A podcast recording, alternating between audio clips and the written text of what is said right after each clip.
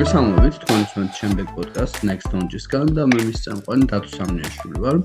დღეს ვისაუბრებთ ისეთ ფენომენზე, რაც არის გაუმგონებლობა. აა მის როლზე კაცობრიობის ისტორიაში რა როლი იქონია ყველაფერმა. აა როგორ გამოიწვია პროგრესია მან დღეს რა როლი აქვს გაუმგონებლობას ზოგადად და ნამდვილად მნიშვნელოვანია ის როდესაც ვფიქრობთ მომავალზე. აა ძალიან საინტერესოა რომ გამგონებლობა როგორც ფენომენი ზოგადად არ დავკვდრათ განყენებულად, არამედ ეს არის შეიძლება იყოს სფერო, რომელიც შეიძლება ადამიანმა განივითარო, ხო, ამის უნარები და ასე შემდეგ. აა და თვითონ თუ კონკრეტულად როგორ შეიძლება ეს უნარები განავითაროს ადამიანმა, აა რა შეიძლება ამ ხრივ ისწავლებოდეს და ასე შემდეგ, ამაზე ყავს დღეს ძალიან საინტერესო სტუმარი. მიხეილ კოტიშაძე საქართველოს უნივერსიტეტის პროფესორი და საგამონებულ საგამონგონებულ ცენტრის დამფუძნებელი.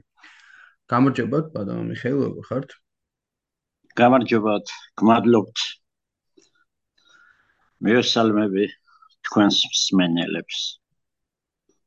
მადლობა, მადლობა. და რავი, ალბათ თავიდან შეგვიძლია დავიწყოთ თვითონ იმით ხო, თვითონ ეს გამოგონებლობის ფენომენზე რა, ანუ აი როგორ შეგვიძლია ვთქვა, რომ რა არის გამოგონებლობა, იმიტომ რომ ერთ შეხედვით გასაგებია, რომ ადამიანმა შეიძლება რაღაცა გამოიგონოს და ეს იყოს გამოგონებლობა, მაგრამ ფართოცნება არის რეალურად ინოვაციებთან არის დაკავშირებული და ასე შემდეგ და აი ეს ფენომენი რო აუხსნეთ დასაწყისისთვის. კი ბატონო, სიამოვნებით ძალიან მარტივია მისი ახსნაც და გაგებაც ალბათ.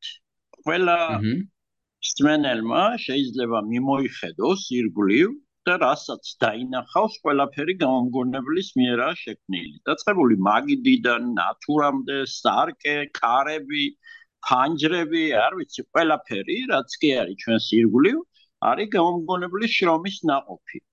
და მთელი პროგრესი, რაც კაცობრიობას გააჩნია, ну არ მაქვს საუბარი ჰუმანიტარულ მემართულებაზე პროგრესი ჩვენი ცხოვრების პროგრესი რამაც შექმნა ეს იყო ყველაფერი გამომგონებლის შრომის ნაყოფი.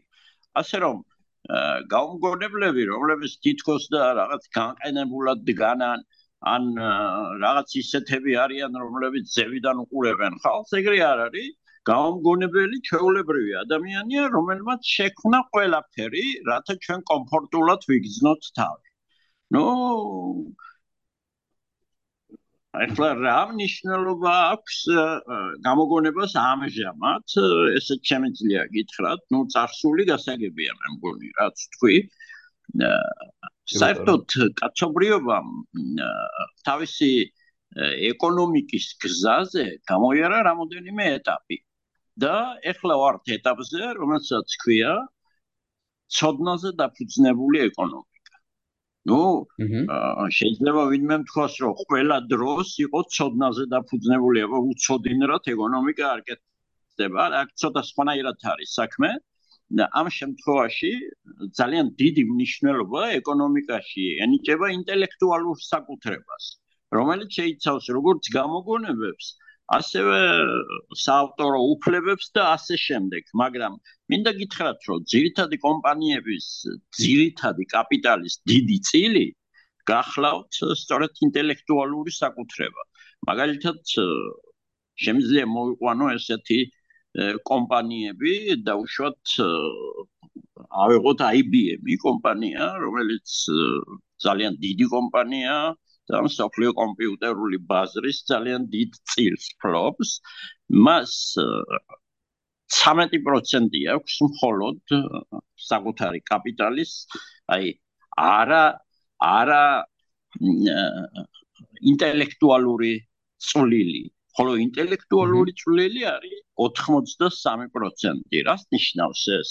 ვთქვათ, რომ გავავლოთ საზღვარი, მაგალითად, ქარხნები, მოწყობილობები, შენობები, ეს ყველაფერი არის ჩაულებრივი კაპიტალი, მაგრამ ინტელექტუალური წილი, ეს არის პატენტები, საავტორო უფლებები და ასე შემდეგ.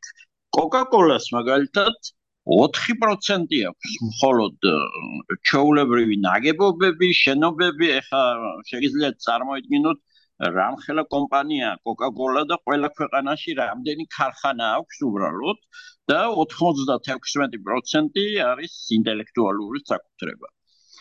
აა ნუ ამის garaშე ამჟამად ძალიან ცოტა ხანში სიცოცხლე ადამიანების იქნება შეუძლებელი. უფრო სწორად, კომფორტი იქნება შეუძლებელი. მე შემიძლია მოვიყვანო რამოდენიმე დიდი ეკონომისტის გამოთქვა, გამოთქმა, რომ ახლოვდება ეპოქა, რომელშიც შეუძლებელი იქნება ნორმალური ცხოვრება სახელმწიფოების, კომპანიების და თვითი კერძო პირებისაც კი თუმად არ ექნებათ პატენტები. ну კარგით ესე იგი ამ პატენტებზე ბევრს ლაპარაკობდა რა ღირებულება აქვს თითოეულ პატენტს რა არის პატენტების ღირებულება ну ძალიან იოლად გავიგებთ ამას თუ გადავხედავთ როგორ იყიდება პატენტები მაგალითად ერთ-ერთმა კომპანიამ Samsung-ზე მაქვს საუბარი რომელმაც დაიწყო ძალიან ძლიერი და ეფექტური ჭკვიანი სახლების შენება მან მას მოუწია ეთხოვა ერთ-ერთი კომპანიისთვის მისი პატენტი. ნუ ეს ძალიან მარტივი მოწყობილობა იყო, ყოველ შემთხვევაში რთული არ არის და ყველა ჩვენთაგან შეეძლო მისი გამოგონება. ეს არის ჭკვიანი ჩამრთველი. როდესაც აი შედიხართ სახში და სინათლეს აყენებთ გარკვეულ ზომაზე, გათბობას აყენებთ გარკვეულ ზომაზე და ასე შემდეგ. ნებისმიერი რამ რისი რეგულირება შეიძლება აყენებთ გარკვეულ ზომაზე, მაგალითად ფარდების გადაწევა გარკვეულ ზომაზე. გარკვეული დროის შემდეგ, თქვათ ერთი კვირა, რომ დადიხართ სახში და აყენებთ ერთი და იგივე ზომაზე, სახლის სწავლობს ეს ჭკვიანი ჩამრთველი სწავლობს რა უყვარს პატრონს და სახში შესვლისთანავე აყენებს ყველაფერს იმ ზომაზე, რაც უყვარს პატრონს. ნუ მოინდომა მან ყიდვა ამ პატენტის ლიცენზიის მიღება, მაგრამ კომპანიამ უთხრა უარი. რომ ვერ მოგცემ ლიცენზიას, მე თვითონ ვაწარმოებ და შენ იყიდე. ესე ძვირი უძდებოდა, ამიტომ მან ადგადა იყიდა მთელი კომპანია. კომპანიის მატერიალური ღირებულება, ну, ალბათ სადღაც 60-დან 70 მილიონ დოლარამდე იყო. მაგრამ ეს კომპანია Samsung-ს დაუჭდა 3 მილიარდ 200 მილიონი დოლარი. ერთი პატენტისთვის. გასაგებია რა არის ფასი ახლა ერთი გამოგონებისა, მაგრამ ყველა ხო არ იქნება ესეთი ფასიანი არა? კიდე შემიძლია რაღაც გარკვეული რამე მოგიყვანოთ, მაგალითად Apple-მა ცოტა ხნის წინ წააგო სასამართლო პროცესი ერთ-ერთ პატარა უნივერსიტეტთან სასწავლო დაწესებულებასთან მისი პატენტის უნებართვოდ გამოყენებისთვის და სხვათა შორის ასეთი რამ დიდ კომპანიებს ახასიათებთ ისინი ცდილობენ უნებართვოდ ულიცენზიოდ გამოიყენონ სხვისი პატენტები და თუ ვერ მიხვდება ვერავინ მოკლედ ფულის გადაუხდელად მიიღებენ გარკვეულ გარკვეულ სიკეთეს, დიახ. მაგრამ ამ კომპანიამ გაარკვია, რომ Apple იყენებდა ამ პატენტს და უჩივლა სასამართლოში. სამივე ინსტანცია ამერიკის შეერთებულ შტატებში ძალიან დიდხანს მიმდინარეობდა, მე დიდი ინტერესი თვადევნებდი თვალს ამ პროცესს და საბოლოოდ Apple-მა წააგო 760, არა, 714 მილიონი დოლარი. აი ეს არის ერთი პატენტის ფასი. მეტი არაფერი. კიდე შემიძლია უამრავი რამ გითხრათ ამის შესახებ, მაგრამ ამაზე არ არის ახლა ერთი და იგივე მრავალჯერ გავიმეოროთ. უბრალოდ თუ კი ასე საინტერესო და კარგია ეს პატენტები რა, რა ხდება, რაოდენობრივად რამდენ პატენტი კეთდება, თქვათ, განვითარებულ ქვეყნებში, რამდენი კეთდება საქართველოში, აი, კარგი კომპანიები, იგივე IBM-ი, იგივე Samsung-ი, იგივე Apple-ი, რამდენ პატენტს აკეთებს, თქვათ, წელიწადში, რამდენ პატენტს იღებს. ნუ? აჰა. დაახლოებით 100000 თავისი 1000 პატენტამდეა საუბარი. დიახ. ამას ყავს თავისი გამოგონებლები კომპანიებს თუ შეძენას ახორციელებენ? რა თქმა უნდა, რა თქმა უნდა, ამაზე კიდე ცოტა ხნის შემდეგ გეტყვით, როგორ აკეთებენ და როგორ არის ორგანიზებული მათთან პატენტების წარმოება და 6000-დან 8000-მდეა, სხვადასხვა დროს სხვადასხვანაირად, მაგრამ 1000-ზეა ლაპარაკი წელიწადში. საქართველოში რამდენი პატენტი იქნება, როგორ ფიქრობთ? საქართველოში წელიწადში, მაგალითად, შარშან წინ გაცემული იქნა ქართველებზე სულ 22 პატენტი. აჰა. 22 პატენტი. ეს ნუ ვინო, სხვა თუ არაფერი, მაგრამ რატო ხდება ასე? ქართველები ხო ნიჭიერი ხალხი ვართ, წყალებში მაქვს ეს ჩასმული ეს სიტყვა. და თუ ნიჭზე ჩამოვარდება საქმე, ამაზე ცალკე საუბარია, საჭირო რომ ნიჭის საქმე არ არის არაფერი, ყველაფერი შრომის საქმეა საერთოდ და პედაგოგიურად ადამიანი ნიჭიერია, არ უნდა ითქვა, შეგვია ითქვას ადამიანი მშრომელია. ნუ თუ დავრჩება დრო ამაზე შეიძლება ვისაუბროთ. მოკლედ, რატო არ კეთდება საქართველოსი ბევრი პატენტი? ნუ ამ ბოლო დროს ძალიან ბევრი ფაბლავები გაიხსნა.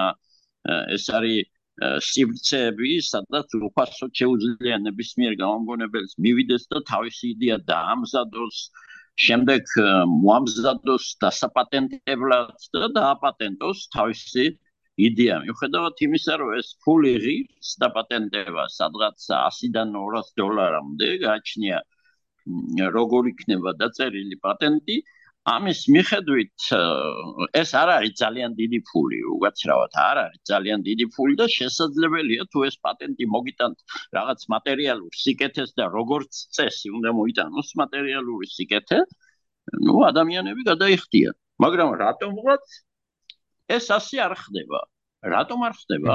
ერთი მიზეზია იმიტომ რომ საქართველოსი განათლების ვექტორი არასწორად არის მიმართული. რა მხრივ არის არასწორად მიმართული? იმ მხრივ რომ როცა ჩვენ გვასწავლიან სკოლაში, უნივერსიტეტში თუ სხვა მაგალითად დოქტორანტურაში არა, არავინ არ გვასწავლის გამოგონებას. არავინ არ გვასწავლის ვიდან ხავთ სადმე საგანი ყოფილიყოს გამოგონება? არ არის ეგეთი რაიმე. ხალხს გონია რომ შენ თუ რაღაც საგანს ისწავლის, სხვა საგანს არა, მე რაღაცას მოიფიქრებ და გამოიგონებ. ეს შესაძლებელია მოხდეს, მაგრამ ძალიან ცოტა იქნება ზუსტად იმდენი, რამდენიც არის საქართველოში. მაშ რა უნდა იყოს გაკეთებული? როგორ უნდა იყოს მიმართული სწავლება? აი, ყველას გახსოვთ ალბათ სკოლაში როგორ ხსნიდით ამოცანებს, ხო? თქვა ფიზიკაში, მათემატიკაში, თქვენ მოცემული ქონდათ ზუსტი პირობა იცით რომ თქვათ მატარებელი გამოვიდა აწერტილიდან ბეწერტილისკენ იცით მანძილი იცით რა დროს ჩავიდა და გინდა ციხარე გამოთვალოთ. ამისთვის საჭირო იყო ერთი ფორმულა რომელიც თუ იცოდით ჩასვავდით ორ რიცხვს და მიიღებდით.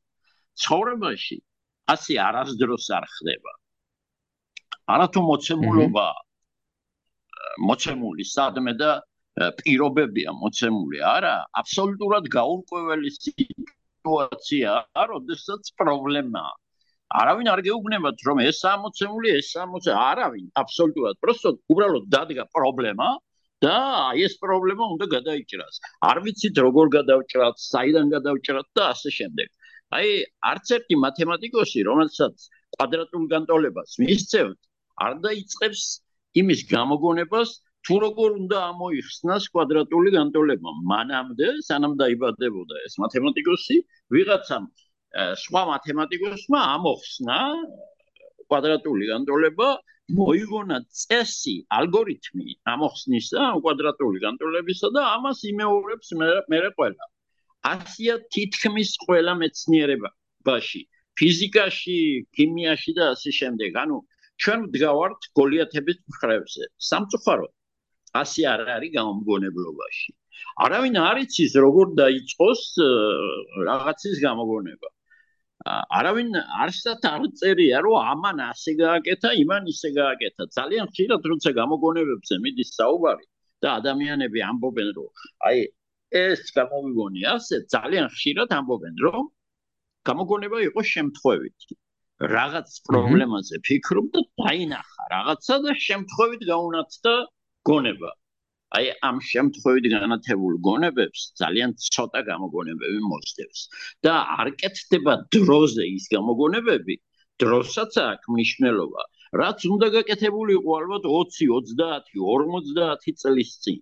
მაგალითად, შემიძლია ერთი რა მოიყვანო.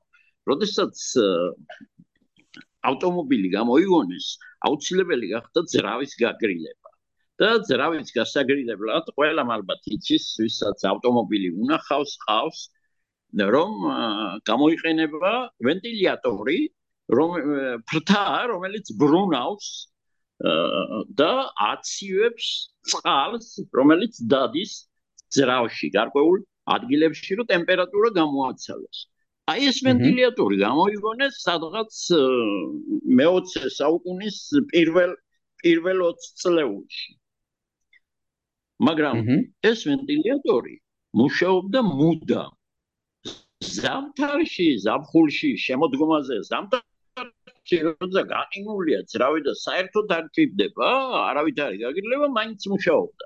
დასაკვირველია, ნებისმიერი მუშაობა, ნებისმიერი ხელსაწყოს მუშაობა, ნებისმიერი ენერგიის დანახართი მოქმედებს бенზინის ხარჯზე. ხო ეგრეა რა, საწვავის ხარჯი, ანუ ენერგია იხარჯება უამრავი. და მხოლოდ მე-20 საუკუნის 50-იან წლებში სადღაც 40 წლის შემდეგ მოაფიქრდათ, რომ გაეკეთებინათ რეგულატორი, ტემპერატურის რეგულატორი, რომელიც, როდესაც ცივი იყო ძრავი, გამორთავდა ვენტილატორს. რთული იყო ამის გაკეთება თავის დროზე?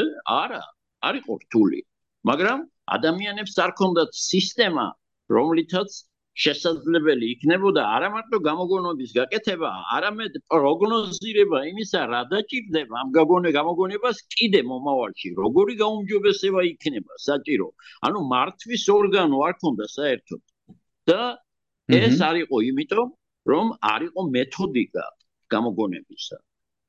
ახლა კარგით ვახსენე მეთოდიკა რა, გამოგონების მეთოდიკა არსებობს.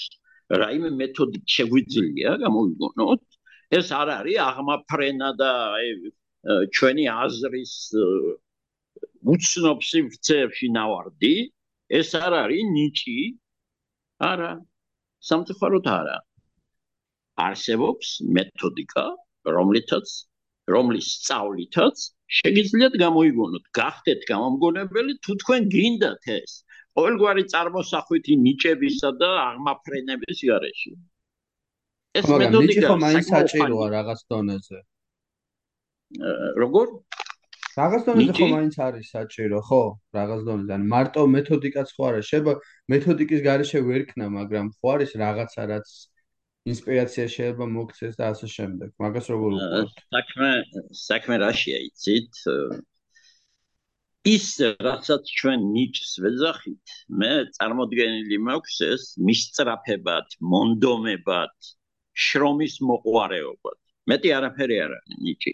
ყველა ადამიანს ერთნაირი ინტელექტი დაყვება თავიდან და შემდგომში აღზრდაზე, გარემოზე სადაც ეს ადამიანი იზრდება დამოკიდებულია როგორ განვითარდება მისი ინტელექტი.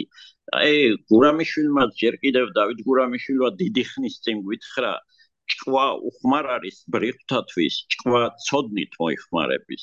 ჭკვა ინტელექტია, რომელიც ჩვენი ტვინის ბუნებრივი დანამატია. ეს ინტელექტი ტვინს დაყვება თან ნებისმიერ ტვინს, გარდა ცხოველის ადამიანის ტვინს, ყოველ შემთხვევაში თუ იგი ავადმყოფი არ არის და რაღაც გარკვეული ნაკლით არ დაიბო და ინტელექტი აქვს ყოველთვის. საჭიროა მისი განვითარება უბრალოდ.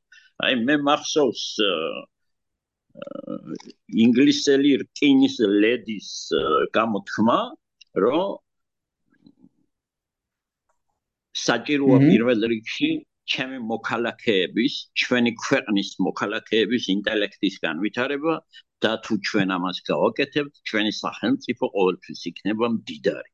ხოლო ჩვენი მოქალაქეები ყოველთვის იცხოვრებენ ძალიან კარგად. და ეს სამაგალითო უნდა იყოს. იცით რა არის? აი, სადღაც 5-7 წლის წინ მე ვიყავი მსოფლიოს საპატენტო ორგანიზაციის მიერ მიწვეული სამხრეთ კორეის დედაქალაქში სეულში, სადაც სტარდებოდა გარკვეული ტიპის ტრენინგები, რომელიც ეხებოდა სწორედ გამომგონებლობას და ინტელექტუალურ საკუთრებას. და მე იქ ვიხილე საოცრება. კორეა, რომელსაც არც ერთი სახის ციაღისეული არ გააჩნია ამ წუთში არის ერთ-ერთი მოწინავე ქვეყანა თუმცა 1960 წელს ესე იგი დაახლოებით 50-60 წლის წინ კორეა იყო სოფლიოში ყველაზე ჩამორჩენილი ქვეყანა. არაფერი არ აქვს აბსოლუტურად, აბსოლუტურად არაფერი. აი ნახშირიც კი არ აქვს უბრალოდ. ყველაფერს ყიდულობენ, მაგრამ ამ ადამიანებმა დაიწყეს თავისი ინტელექტის განვითარება. დაახლოებით 1980-იანი წლებიდან დაიწყეს განათლებაში ძალიან დიდი ფულის ჩადება. დაახლოებით 4 ტრილიონი დოლარი ჩადეს თავისი ბიუჯეტის 1/13 თუ არ ვწდები 30% და მასშტაბებელი გახადეს ყველაზე საპატივცემულო ადამიანი, ყველაზე დიდი ანაზღაურებით და ნუ თანდათან მოიმატა ადამიანების რაოდენობა, ვის ვისაც წოდნა სწოროდა. ამავე დროს სამხრეთ კორეაში მე რო ვიყავი მაშინ, ანუ 7 წლის წინ იყო 198 საგამომგონებლო ცენტრი ბავშვებისთვის. ეს იმას ნიშნავს, რომ იმ რაიონის სკოლებიდან აყავდათ ადამიანები, ბავშვები, ვისაც უნდათ და ასწავლიდნენ გამომგონებლობას. მე ვისაუბრებ დაახლოებით იმ მეთოდებზე, როგორ უნდა ვისწავლოთ, მაგრამ ჯერ ეს ადრეა, ჯერ მოდი ამ ხას გავყვეთ და ეს 198 ცენტრი თავის ناقობს იძლეოდა, მაგრამ დასაწყისშივე არ დაახლოებით 2000 წლიდან, ანუ 15 10-15 წელიწადში დაიწყო მოსავლის მომკა კორეა. და მე მაქვს ამოწერილი ძალიან ბევრი რამ სტატისტიკიდან, როგორ სწრაფად მომენტალურად გაიზარდა პატენტების რიცხვი. რა ხდებოდა კორეაში იმ მომენტში? საქართველოში ერთადერთი საგამოგონებლო ცენტრია და ისიც მე მაქვს დაფუძნებული. ჩემი ოცნება რომ ასეთ საგამოგონებლო ცენტრები ყველა ქალაქში იყოს. არა მარტო ყველა ქალაქში, არამედ ქალაქში შეიძლება 2 ან 3 ასეთ საგამოგონებლო ცენტრი იყოს, იმიტომ რომ მაგალითად ქუთაის და თბილისის ვერ ეყოფა 1 ან 2 ან 5 ან 10 ცენტრი, უფრო მეტი უნდა, ხო? ეგრეა და ბავშვებმა უნდა ისწავლონ. როგორ ასწავლიდნენ კორეაში ბავშვებს? პირველი კლასიდან იწყებდნენ გამომგონებლობის სწავლას. რა უნდა ისწავლოს პირველ კლასელმა ან რა უნდა გამოიგონოს? ძალიან მარტივია. ასწავლიდნენ უმარტივეს მეთოდს, რომელსაც ქვია 1 მივუმატოთ 1. ეს ნიშნავს იმას, რომ ნებისმიერი საგნის აა ფუნქციას განსაზღვრავდი, მაგალითად ავტოკალამის ფუნქციაა რომ წეროს, არა? და მიუმატებდი მეორე ფუნქციას. დამატებით ფუნქციაც მისცემდი, მაგალითად მე წამოღებული მაქვს კორეიდან ერთ-ერთი ბიზნეს ბიზნესის დაწყების მომენტი ეს იყო ავტოკალამი, რომელსაც სინათლე აქვს წინ და ხამეში განათების გარეშე შეგიძლია წერო. და ამ ადამიანმა თავისი ბიზნესი აწყო ამაზე.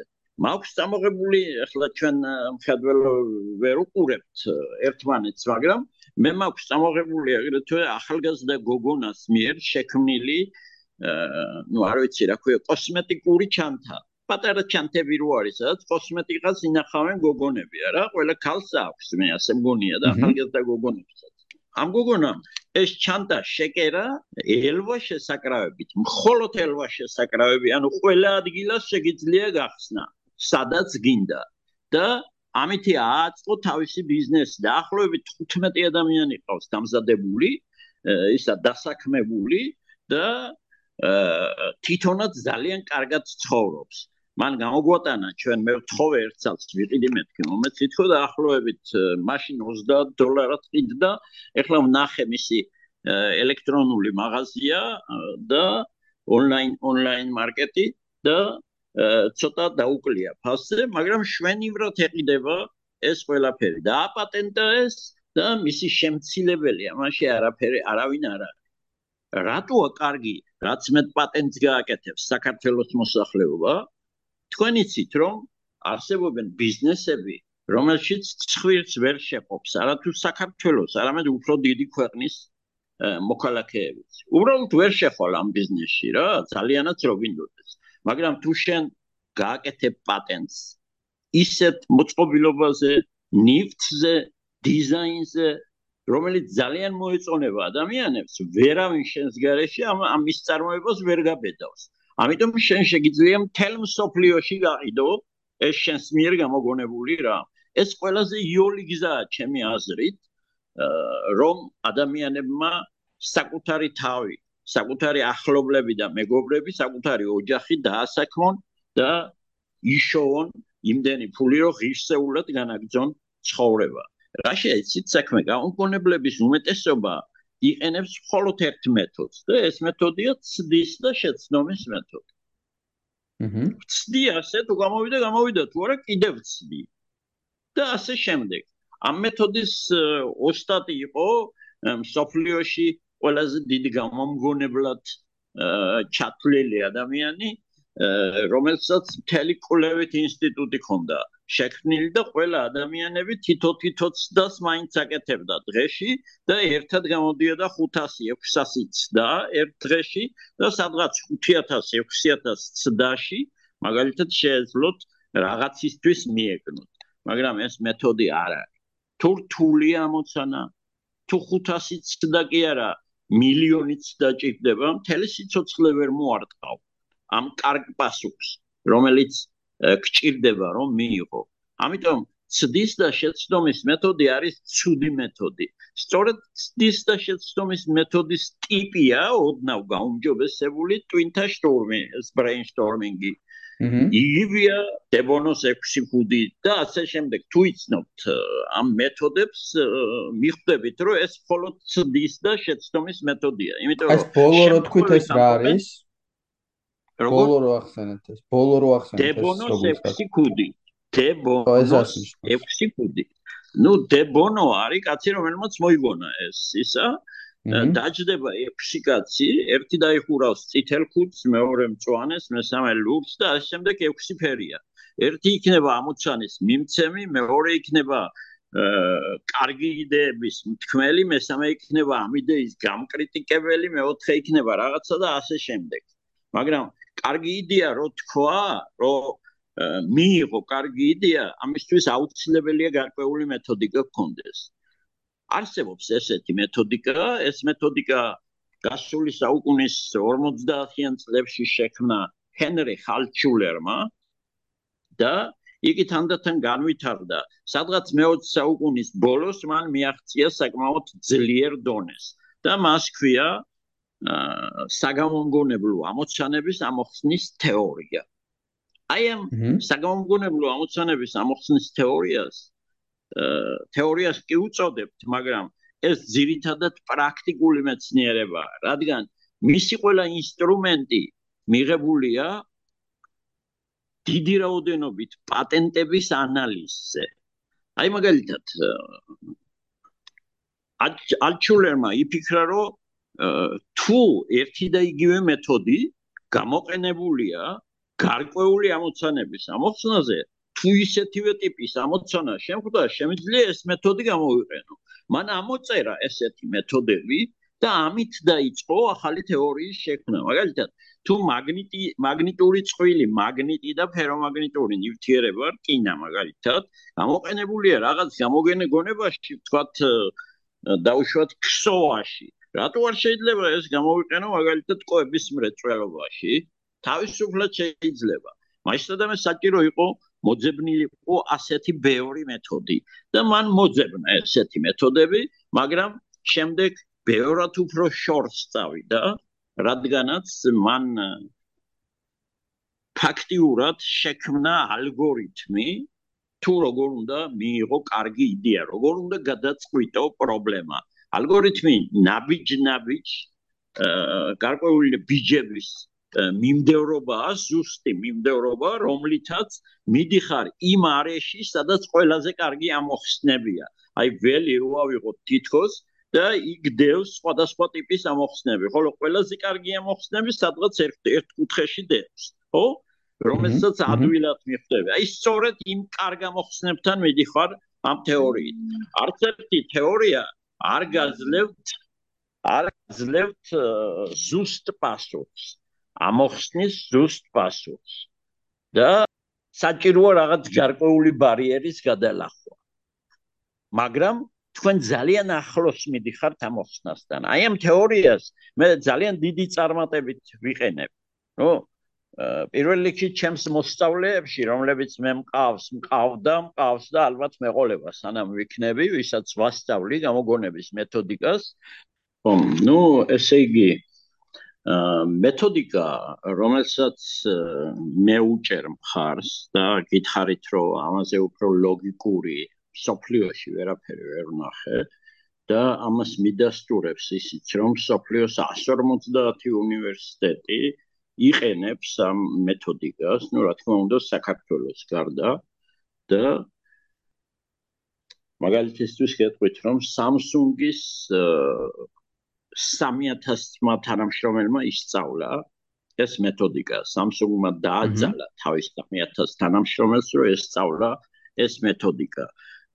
ამ მეთოდიკის მეთოდიკის პროფესიონალები ყავთ მრჩეველებად უდიდეს კომპანიებს, მათ შორის Intel-ს, Mercedes, BMW-ს, Samsung-ს თავისთავად მას უბრალოდ თითქმის ყველას ასწავლა თავისი აი ეს ამ ტიპის განათლება მისცა და ისინი აკეთებენ ძალიან დიდ და ინოვაციურ პროექტებს. ქმნიან ძალიან ძლიერ პროდუქტებს, რომლებიც კონკურენტურანი უნარიანია მსოფლიო ბაზარზე.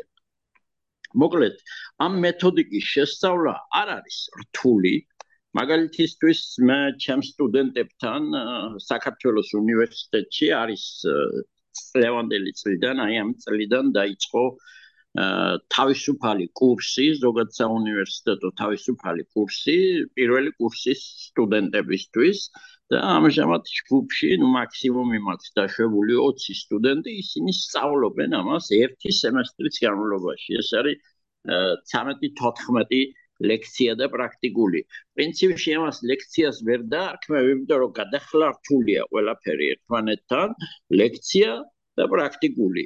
ერთად არის ეს არის 13-14 დღე, როცა 2-2 საათიან ლექცია პრაქტიკუმს ვატარებ და სხვადასხვა სპეციალობის სტუდენტები, მათ შორის გოგონები, ვაჟები, მათ შორის ფილოლოგები, იურისტები, არქიტექტორები ძალიან კარგად ითვისებენ აი ამ თეორიას. საქმე იმაშია, რომ ამ თეორიის ინსტრუმენტები ძალიან დახვეწილია. მოცემულია ყველაფერი ფაქტიურად იმისთვის რომ ადამიანმა შექმნას იდეა. გამოასწოროს ხვის მიერ დაშვებული შეცდომა რომელიმე სისტემაზე. არ აქვს მნიშვნელობა გარდა ამისა იმას სად შეიძლება გამოიყენო ეს ეს მარტო საინჟინრო არ არის ეს თეორია შეიძლება გამოიყენოთ მენეჯმენტში შესაძლებელია გამოიყენოთ მაგალითად მარკეტინგში, რეკლამაში და შემდეგ მე მაქვს რამოდენიმე ლექცია დამუშავებული იმისთვის, რომ მარკეტოლოგებს რეკლამის მუშაკებს წაუკითხო ამ მეთოდიკით დამუშავებული მეთოდები თუ როგორ უნდა გააკეთონ რეკლამას სწორად და არ უნდა იყოს რეკლამა თავსმოხვეული ყველასთვის როგორც ახლა ჩვენთვის შემაწუხებელი რეკლამა არის, ამაში ალბათ ყველა დამეხმარება, ну, ვერ გამიხსნია სამეცნიერო ვიდეოც კი, რომ იქ არის დაახლოებით 10 წუთიან ვიდეოში 2 წუთი რეკლამა მაინც არის.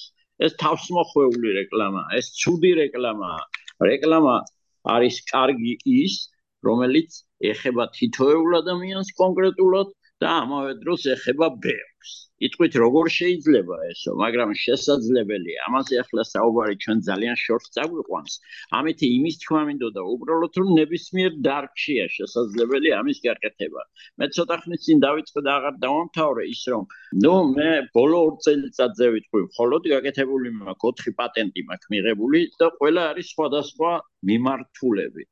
მედიცინაში მაქვს ორი პატენტი, ერთი სიძარღვების ქირურგიაში, ერთი ტექნიკურ საწოლიო ოკეთე ისეთი რომ რომლის გამოყენებითაც არასდროს არ დაემართებათ ნაწოლები ავტომობილებს ისეთებს რომლებიც წლობით წვანან საწოლში არის ენერგეტიკული საოცარი გამოგონებები, რომლებიც შეიძლება თქვათ, რომ არა ეს არ შეიძლება ასე რო იყოს და ასე შემდეგ, მაგალითად არის გაკეთებული მზის სისტემის მოსაბრუნებელი სისტემები, მზის პანელების მოსაბრუნებელი სისტემები, რომლებსაც არ გირდებათ ელექტროენერგია, არ გირდებათ ძრავები, სადენები და არაფერი, უბრალოდ თავისით მიყვებიან მზე სამხელა დანადგარები. მოკლედ, საქმე რა შეიცით? რატომ უნდა ვისწავლოთ ეს თეორია? განა ცოტას გვასწავლიან უნივერსიტეტებში, იმით არ შეიძლება გამოგონება. რა თქმა უნდა შეიძლება, მაგრამ ცოტა. მეტი, მეტსაც გეტყვით. ჩვეულებრივი სტანდარტული სპეციალისტი, რომელიც კარგად განათლებულია და ბევრი ისწავლა თავის სპეციალობაში, ხსნიან და წყვეტენ არსებული პრობლემების 90% და რჩება 10% პრობლემებისა, რომლებიც რომლებსაც ეძახიან გადაუჭრელ პრობლემებს. აი სწორედ იმ 10% პრობლემებისაც ვჭერით ჩვენ ამ თეორიით შეიარაღებული ხალხი და სპეციალისტები, ვინც ამ თეორიით არის შეიარაღებული. ნუ ასეთ სპეციალისტებს ძირითადად troubleshooters უწოდებენ, ნუ ინგლისური სიტყვა და ქართული შესაბამისი არ აქვს ჩვენ ქართულში. და ნიშნავს პრობლემების დახვრეტას, ანუ პრობლემების გადაწყვეტას და ასეთი ადამიანები ყველა დარგში წყვეტენ პრობლემებს. ერთი რამ კიდე რაც აუცილებლად ჭირდება გამომგონებლობას, გარდა ამ თეორიის სწავლისა, ეს თეორია შეიცავს ერთ-ერთ უმნიშვნელოვანეს კომპონენტს გამომგონებლისთვის, ეს არის ფსიქოლოგიური ინერციის დაძლევა. ფსიქოლოგიური ინერცია გახლავთ რამოდენიმე სახის. და თითოეულ მათგანს ჭირდება დაძლევა რა არის ფსიქოლოგიური ინერცია ჩაულებრივი ინერცია გამიგია როგორ ვიხარ სწრაფად ვერ გაჩერდები. დაახლოებით იგივე ჭირს ჩვენს ტვინს. ჩვენი ტვინი ცდილობს ენერგია არ დახარჯოს ბევრი. ნუ მარტივად რო ვთქვა ძალიან ზარმაცი ვინმეა ჩვენი ტვინი. ამიტომ ერთხელ თუ ისწავლა გზა რაღაც პრობლემის გადაწყვეტისა ყოველთვის ცდილობ შემდეგ არ დახარჯოს ენერგია ახალი ფიქრისთვის და გითხოს რომ აგე ხო ვიცით ჩვენ რა პრობლემის გადაწყვეტა ასე გადაწყვიტე როგორც ადრე წვეთდი ეს ჩეულებრივ ცხოვრებაში ძალიან სასარგებლოა მაგალითად ჩვენ არასოდეს არ ვფიქრობთ როგორ დავდივართ მიუხედავად იმისა, რომ ეს ძალიან რთული პროცესია, სიარული, მაგრამ ჩვენ ერთდროს ვისწავლეთ, როგორ უნდა ვიაროთ და დავდივართ ისე, რომ საერთოდ არ გვახსენდება, რომ ვიფიქროთ არ წავიქცეთ. არ ვფიქროთ მაგალითად ზონერების შეკრაზე ფეხსაცმელია რა, ოდესღაც ვისწავლეთ და პირდაპირ ხელები აკეთებს ამას თავისი თითქოს და და მაგრამ ეს თვისება ძალიან ცუდია ახლის შექმნისთვის. მაგალითად თუ თქვენ გინდათ ახალი ტიპის მაკრატელი შექმნათ, არა? ჰმ. ტვინი ვერ გაურბის მაკრატელს. აი, გადააკეთებს მაკრატელს ცხრანაირად, მაგრამ პრინციპულად ახალს ვერ შექმნის. თუ თქვენ არ მოიცილეთ თავიდან ეს ფსიქოლოგიური ინერცია, რას ტვინს თანს დევს. ეს აქ რამოდენიმე ტიპის ინერცია, ერთი არის ტერმინების ინერცია თუ მაკრატელს ვიტყვი სუ მაკრატელი მახსოვს. და ახალზე ვერ ვფიქრობ ვერაფრით არა? მეორე ტიპის ინერცია გახლავთ ეგრეთ წოდებული ვიწრო სპეციალობის ინერცია. არიან ადამიანები ვიწრო სპეციალისტები რომლებიც წლების განმავლობაში, ზოგჯერ 10 წლეულების განმავლობაში აკეთებენ ერთი და იგივე საქმეს და კარგად იციან ეს საქმე. მაგრამ იგი ვერაფრით ვერ გამოვა იმ ნასწავლისგან, რაც აქვს. თუ მან არ გადალახა თავისი აი ეს ფსიქოლოგიური წინააღმდეგობა, ყოველთვის მე მქონია ბევრი მაგალითი, მაგალითად, როდესაც მივდიოდით ვინმე ქიმიკოსთან, და ვეკითხებოდით რაღაც გარკვეული პრობლემის შესახებ და გვეკითხებოდნენ რა გინდა თქვენ რო გააკეთოთ თორსა ვეგუნებოდით ეს გვინდა რო გავაკეთოთ ო ეგ მე ვიცი როგორ უნდა გაკეთდეთ და სხვანაირად არ გაკეთდება რატომ არ გაკეთდება ვეგუნები და ეს ზოგადი პასუხია მე არ მომყავს ჩემი დიალოგი იმიტომ რომ არ გაკეთდება იმიტომ რომ ასე არავინ არ აკეთებს. იმიტომ რომ ასე არასოდეს არ გაკეთებულა. და მათ სხვა არგუმენტი არ გააჩნიათ. ასეთი წინააღმდეგობის გადალახვა შესაძლებელია მხოლოდ ერუდიციის ამახლებით. ანუ ამ ხალხმა მეტი უნდა ისწავლოს და მეტი მეტად უნდა გაეცნოს სხვა დარგებში როგორ წდება პრობლემები. და ეს მხოლოდ მოაგებინებს მათ. და არის კიდე ერთი სახეების ინერცია, ანუ მე მაგრატელი შეიძლება არ ვთქვა და ვთქვა რაღაც გადამჭრელი მაგრატელის მაგივრად, მაგრამ მაგრატელი თავში მაინც მიტრიალებს. მაგრატლის სახე, მაგრატლის ფორმა ჩემ თავშია და ვერაფრით ვერ გააგდებთ ამას. ამისთვის არსებობს სპეციალური მეთოდიკა, რომელსაც ქვია სახეების მოსპობის მეთოდიკა და ქვია ფანტაზირების მეთოდიკა. დიახ, ჩვენ ვასწავლით ადამიანებს ფანტაზირების მეთოდებს. თითქოს და რა არის სასწავლელი ну ადამიანი რაღაცას მოიგონებს თავს ზემოთ ასწევს ცას შეხედავს და მოიგონებს რაღაცას ფანტასტიკურს მაგრამ არა მე 60-ს ვაწყობ ხშირად როცა ახალი სტუდენტები მოდიან ჩემთან და ვეუბნები გააკეთეთ მაგალითად ესა და ეს ფანტასტიკური მოიგონეთ რაღაცა რა ну სტანდარტულია ყველა მათგანის ნაწერი. აი სტანდარტული ათეულობით წლები. ერთი და იგივე ადამიანებს თუ მათ არის სწავლეს, ფანტაზია არ გააჩნიათ. ხოლო როცა სწავლობენ ფანტაზიას, მე ღიმილით უყურებენ თავიანთ ნაწერს თუ რა გააკეთეს ეს. ну ეს ერთი ცალკე კურსია, მაგრამ აი ამ კურსში მე ჩართული მაქვს საკმაოდ მოკლედ 2-3 საათის მეც ვერ უთმობ, იმიტომ რომ სხვა არის ძალიან ბევრი. შემდეგი რაც ამ კურს ამ კურსის დამახასიათებელია არის ის რომ ადამიანების 99-მა და 99-მა მიასწრმა პროცენტმა არის ის სწორად ამოცანის დასმა. გაგიკვირდებათ და იტყვით რას ქვია ამოცანას ვერ დავსვა, ვერა. სწორად დასმა ამოცანის ცალკე ხელოვნება.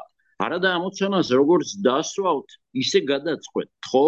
რა კითხვაცა გაქვს თავში იმ კითხვაზე შეეცდებით პასუხის გაცემას და თუ სწორად არ არის ამოცანა დასმული მაშინ ვერასოდეს ვერ მიიღებთ საუკეთესო პასუხს და არ გადაწყდება პრობლემა საუკეთესო გზით. ჩეულებრივი ამოცანებისგან განსხვავებით რომლებსაც ადამიანები სკოლაში უნივერსიტეტში გადიან საგამომგონებლო ამოცანას პრობლემას არ გააჩნია ერთი გადაწყვეტა მხოლოდ მას გააჩნია მრავალი გადაწყვეტა და ჩვენი ხელოვნება იმაშია ამ გადაწყვეტებიდან მოვნახოთ საუკეთესო გადაწყვეტა და აი ამას ჭირდება გარკვეული მეთოდიკა, გარკვეული სწავლა. მოკლედ, ამოცანის დასმა არის ერთ-ერთი პრინციპული რა და როდესაც ამოცანა დაისმება, ჩათვალეთ რომ 50% სწორად დასმული ამოცანით 50% პრობლემისა უკვე გადაწყვეტილია. ამის შემდეგ უკვე მოდის კონკრეტული მეთოდები და კონკრეტული ინსტრუმენტები ისდასმული ამოცანა როგორ უნდა გადაწყვიტოთ. რანაირად უნდა მოხდეს ეს? აქ არ არის დაჯექი და იფიქრე. ეგეთი თქმა საერთოდ ადამიანისთვის არის ნუ რა გითხრათ დანაშაული ალბათ, იმიტომ რომ თუ არ ასწავლე როგორ იფიქროს, იგი ვერ მოიფიქრებს, იქ ვერ იფიქრებს. უნდა ასწავლო როგორ იფიქროს. აი კონკრეტულად ძალიან მაგალითად პირველი ვიფიქროთ ეს და გავაკეთოთ ეს მეორე გავაკეთოთ ეს მესამე გავაკეთოთ ეს და ესე შემდეგ. აი სწორედ ასეთი მეთოდებია შემდგომში და ჩვენ საბოლოოდ მივდივართ ძალიან ახლოს პასუხებთან რომლის დაძლევის გზა არის ფსიქოლოგიური ინერციის მოშორება და ძალიან ძლიერ იდეებს იძლევა და მე ამას ზეპირად არ ვამბობ. ეს შემოწმებული მაქვს ძალიან ბევრჯერ ძალიან დიდი ხნის განმავლობაში პრაქტიკულად ჩემ მოსწავლეებს ჩვენ შეგვიძლია იდეებს გაუკეთოთ ექსპორტი გავყიდოთ იდეები გავყიდოთ იდეები და ამით ამაღლდება არამარტო სახელმწიფოს კეთილდღეობა, არამედ ჩვენი კეთილდღეობაც. რაც მეტი ექნება შემოსავალი ნებისმიერ ადამიანს, მით მეტი ექნება შემოსავალი სახელმწიფოს. და სწორი იყო ის ეკონომისტი, რომელმაც თქვა, რომ მომავალი პატენტის გარეშე არ ექნება ახალ ეპოქაში ქვეყნებს, კომპანიებს და მოქალაქეებსაც კი, კერძო პირებსაც კი. ეს იყო ჩემი მოკლედ მოთხრობილი ამბავი გამოგონებების შესახებ, არ ვიცი, ჭირდება ჩვენ გაზი და ნავთობი იმისთვის, რომ დიდარი ვიყოთ. ინტელექტი სავსებით დაძლევს ამას. და საკმაოდ ამომწურავი იყო ეს ყველაფერი და აა მადლობას გადაგიხდით რა პირველ რიგში სტუმრობისთვის და იმისთვისაც მოგვიყევით და მინდა წარმატება გისურვოთ თქვენ საქმიანობაში და ზოგადად ერთი რამ ფაქტია ნამდვილად რომ გამგონებლობის garaშე მით უმეტეს ისეთ ეპოქაში როგორც დღეს არის ფაქტიურად შეუძლებელია რომ ქვეყანა ვითარდებოდეს და ეს იდეა შეიძლება ითქვას რომ ინდივიდებზეც გადმოდის ხო და აბსოლუტურად შეთანხმებით ეგრეა აი, ძალიან დიდი მადლობა, მადლობა. დიდი მადლობა თქვენს. დიდი მადლობა თქვენ.